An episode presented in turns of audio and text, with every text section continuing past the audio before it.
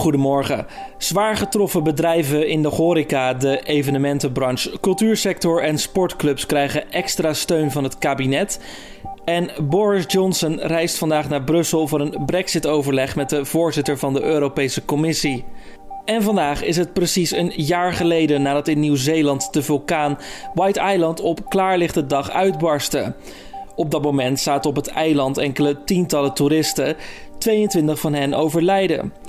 Nu, een jaar later, wordt er nog steeds veel over gesproken in Nieuw-Zeeland. Maar dan eigenlijk vooral over de vraag: had het voorkomen kunnen worden en wie is verantwoordelijk? Het risiconiveau was namelijk kort daarvoor verhoogd naar niveau 2.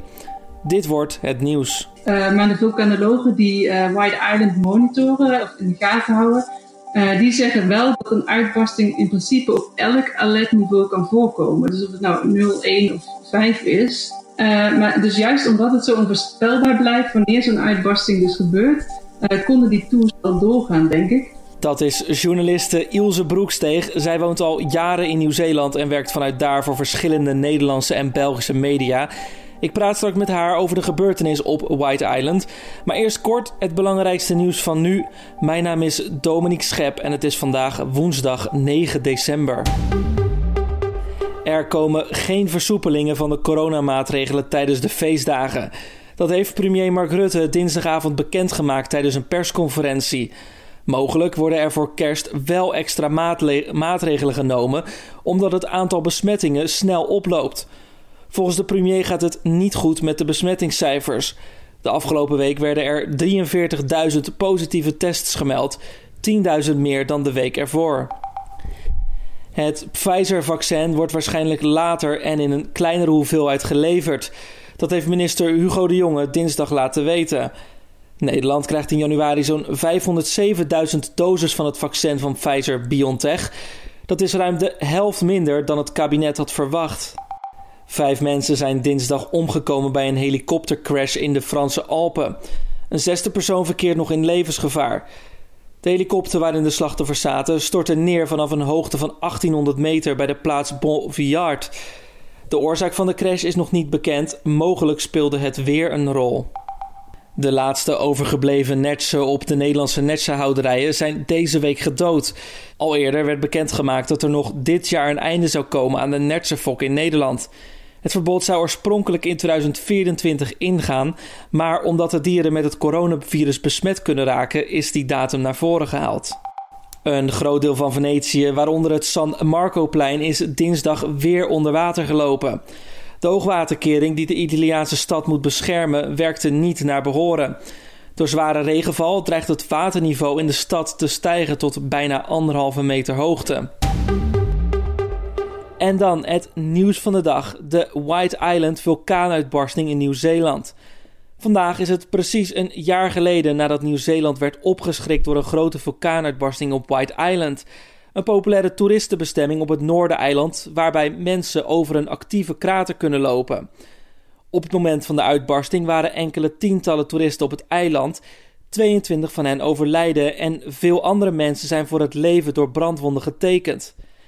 Nu, een jaar later, wordt er nog steeds veel over gesproken, maar dan eigenlijk vooral over de vraag: had het voorkomen kunnen worden en is er iemand voor verantwoordelijk?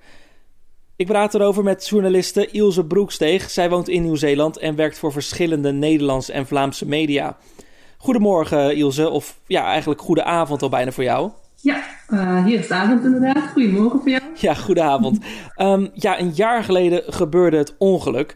Wat is White Island eigenlijk precies en waarom is het zo'n publiekstrekker? Het klinkt vrij gevaarlijk om in een actieve uh, krater te lopen. Ja, uh, nou, White Island, ofwel het Fakari in de taal van de Maori's, is eigenlijk de enige actieve zeevulkaan van Nieuw-Zeeland. En die ligt op zo'n 48 kilometer voor de kust van het Noordereiland. Uh, je kan hem van, uh, van veraf ook al in het water zien liggen. En er hangt vrijwel altijd een witte wolk van stoom boven.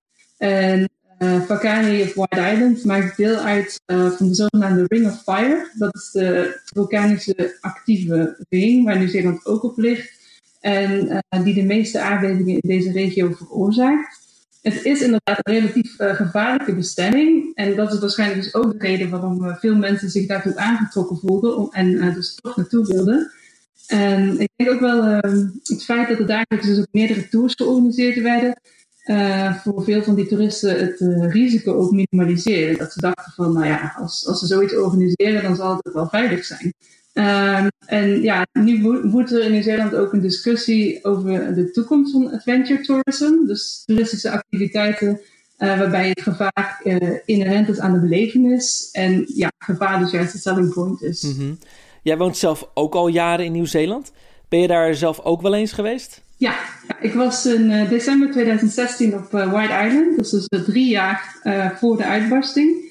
En mijn partner die had dat als een verrassingstrip georganiseerd. En ik wist dus helemaal niet waar we naartoe gingen. Ik had dus ook eigenlijk nog nooit echt van White Island gehoord. maar het was echt toen een prachtige, bijna buitenaardse omgeving. Het is een soort kaal maanlandschap met rokende kraters, dan weer rokende hoopjes stenen, overal felgele zwavelsporen. En uh, uit die krater zag je dus inderdaad uh, onafgebroken die enorme stoombollen komen. Mm. En had je dat idee toen ook al uh, eigenlijk, dat je met iets gevaarlijks bezig was? Ja, ja, ja, ja. Je wordt ook, ja, wat ik zeg, ja, als je de boot op gaat, moet je dus eerst dat papier ondertekenen. er wordt goed uitleg gegeven. Je krijgt een gasmasker, je krijgt een helm. er wordt, voor, voor je het eiland opgaat, wordt er verteld, als er iets zou gebeuren, die kant moet je oprennen. En de zee in. Als er, ja, stel dat er komt een uitbarsting. Uh, dus ja, ik was toch wel zeer bewust van de risico's. Maar tegelijkertijd, als je daar rondloopt, ja, dat blijft toch unreal dat dat kan gebeuren. -hmm. Eigenlijk is het natuurlijk uh, best wel gek eigenlijk dat je een papier moet ondertekenen. Want als het uh, ja, veilig zou zijn in principe, dan zou dat toch overbodig moeten zijn. Hoe wordt er eigenlijk in Nieuw-Zeeland naar gekeken? Want schijnbaar wisten mensen wel dat er risico's waren. Hebben Nieuw-Zeelanders het idee dat het ook voorkomen had kunnen worden? Nee, nee, nee. Uh, nee. De meeste Nieuw-Zeelanders vinden het echt heel tragisch uh, wat er gebeurd is. En zeker ook omdat er natuurlijk heel veel toeristen bij betrokken zijn. En toeristen die dus ook zijn overleden. Ja, uiteraard stellen sommige mensen zich ook vragen. bij het, ja, dat er überhaupt mensen op dus een levende vulkaan mochten rondlopen. En ze vragen zich ook wel af of bij de promotie van ja, zulke activiteiten, want het is niet de enige gevaarlijke activiteit die aangeboden wordt in Nieuw-Zeeland, um, ja, of die potentiële risico's uh, wel duidelijk genoeg gecommuniceerd worden. Hmm. Want ik had uh, ook begrepen dat de vulkaan al op niveau 2 stond op de dag dat de toeristen naar het eiland gingen. Uh, hij was ook al eerder uitgebarst, een aantal jaren daarvoor. Waarom mochten toeristen eigenlijk nog steeds naar dat eiland toe gaan? Ja, dus ik geloof dat inderdaad drie weken voor de fatale uitbarsting het waarschuwingsniveau verhoogd was naar level 2. En dat betekent dus dat er sprake is van matige tot verhoogde vulkanische onrust. En dat er dus kans is op uitbarstingen, stoomerupties, vulkanische gassen, aardbevingen, landverschuivingen en eventueel zelfs lahars. Dat zijn ja, modderstromen. Uh, dus dat klinkt allemaal vrij ernstig. Uh, maar de vulkanologen die White Island monitoren of in de gaten houden, die zeggen wel dat een uitbarsting in principe op elk alertniveau kan voorkomen. Dus of het nou 0, 1 of 5 is, dat kan allemaal. Maar dus juist omdat het zo onvoorspelbaar blijft wanneer zo'n uitbarsting dus gebeurt, konden die tours wel doorgaan, denk ik. Uh, je hebt dus ook GNS Science. Dat is de organisatie ehm, die de vulkanische activiteit op White Island monitort. En die stuurde dus elke dag een rapport naar de bedrijven die actief waren op White Island. Ehm, maar daarin gaven ze dus geen advies over het al dan niet laten doorgaan of schrappen van die tours. Dus die beslissing die werd elke dag opnieuw door die tourorganisatie zelf genomen op basis van dat rapport en de weerstand. -hmm. Het klinkt dan wel een beetje alsof we eigenlijk al aan het wachten waren tot het moment dat het fout zou gaan. Uh, vorige week werd ook bekend dat de arbeidsinspectie van Nieuw-Zeeland 10 bedrijven en drie personen heeft aangeklaagd. Uh, waaronder ook tourorganisaties en uh, mensen die verantwoordelijk waren voor de monitoring van het eiland. Wat verwachten mensen eigenlijk van deze aanklachten? Is dit niet een klein beetje mosterd naar de maaltijd? Van ja, niemand heeft dit gewild.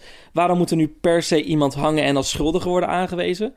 Uh, uiteindelijk kun je natuurlijk ook zeggen: het is de natuur die onvoorspelbaar is. Ja, absoluut. Uh, nee, je hebt zeker mensen die zeggen van, uh, nou, mensen die het risico nemen om, om naar zo'n actieve vulkaan te gaan, ja, die moet, nou, je weet dat er een risico is. En ja. Hmm, ja, die zeggen eigenlijk: het, het kan gebeuren als je naar een, vulkaan, naar een gevaarlijke vulkaan gaat, begrijp ik. Um, is er niet eigenlijk ook een discussie over hoeveel verantwoordelijkheid die tourorganisaties hebben? Uh, ja, nou, die vraag wordt inderdaad zeker gesteld, ja. Dat, uh, uh, ja, dat het was ja, waarschijnlijk ook zeker ook op zo'n cruise. Uh, heel veel van de mensen die, uh, ja, die daarbij betrokken zijn geweest, kwamen eigenlijk van het cruiseschip dat aanlegde in Tauranga, dus een andere stad in Nieuw-Zeeland. Nou ja, er werd aangeboden een excursie naar White Island. Nou, dat, ja, ik kan me voorstellen dat je dan denkt, oh leuk, een levende vulkaan. En helemaal niet stilstaat bij het risico. Ik bedoel, ik heb het zelf ook gedaan en ik heb er ook niet zo bij stilgestaan. Ja, dat is waar. Je tekent, je tekent eigenlijk een contract om zelf verantwoordelijkheid te nemen. Zonder dat je eigenlijk goed weet waarvoor je tekent. En je denkt natuurlijk ook, het is Nieuw-Zeeland, het zal wel goed zitten, dus ik teken. Ja, en, en, wat ik al zei, het, stelt ook wel ja, gerust, foutief natuurlijk wel. Maar je denkt, oh ja, als ze dat organiseren, en het wordt al 30 jaar gedaan. Ik geloof vanaf begin jaren 90 werden die eerste tours uh, georganiseerd.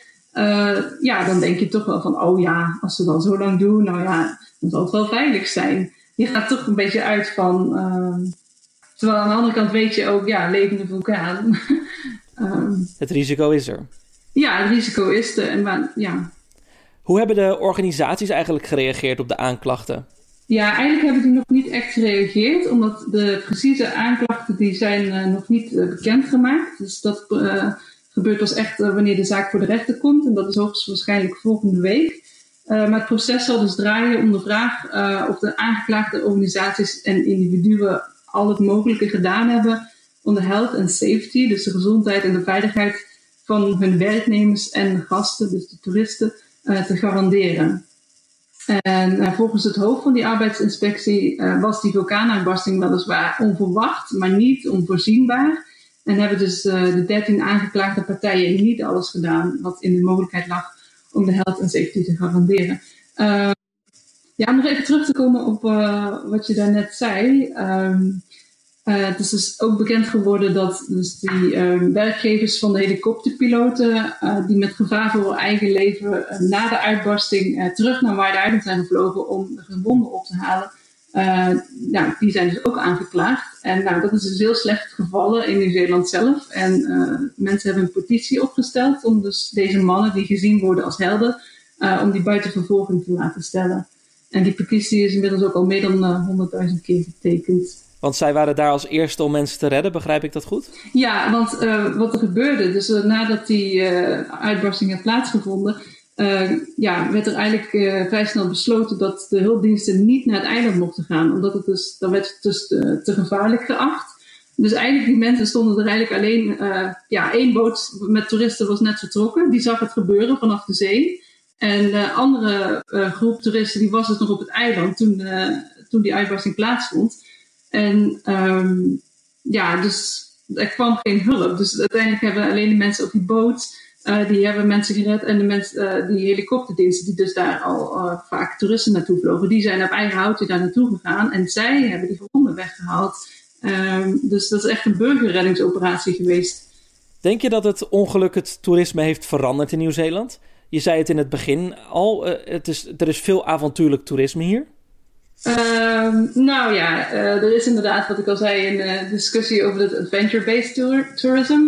Uh, ja, bedrijven die in die sector actief zijn, die wachten dat vonnis dus ook wel een beetje uh, ja, met enige angst af. Uh, want er bestaat dus wel uh, ja, een reële angst dat die sector in elkaar zal storten als dat vonnis verkeerd zou vallen voor hen. En ja, persoonlijk vraag ik me ook wel af in hoeverre dit, dit dus ook gevolgen zal hebben voor toerisme bij andere vulkanen. Want ja, um, White Island is natuurlijk niet de enige vulkaan in Nieuw-Zeeland. Uh, ik ben wel benieuwd hoe dat, uh, ja, hoe dat gaat. Dat binnenkort off limits of uh, blijven, mogen we daar naartoe blijven gaan? Dat was Ilse Broeksteeg, journaliste vanuit Nieuw-Zeeland voor verschillende media, waaronder de Vlaamse nieuwssite HLN. Vandaag is er in de Nieuw-Zeelandse stad Wakatane een herdenking voor de slachtoffers. Dan gaan we nog even kijken naar de nieuwsagenda voor deze woensdag. Vandaag komt het kabinet met extra steun voor de zwaarst getroffen sectoren. Het gaat hierbij om de horeca, de evenementenbranche, de cultuursector en sportclubs. Sinds 14 oktober moeten de deuren bij die bedrijven gesloten blijven.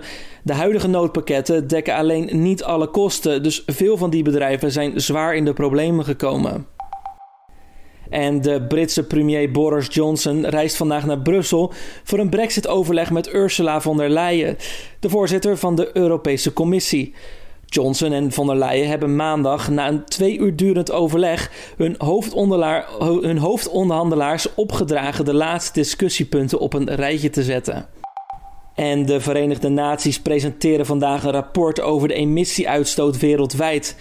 Hierin wordt gekeken hoe het er momenteel voor staat voor wat betreft de emissieuitstoot en het nastreven van de klimaatdoelstellingen uit het Parijsakkoord. Zaterdag wordt een wereldwijde klimaatop gehouden, precies vijf jaar na het sluiten van het Parijsakkoord.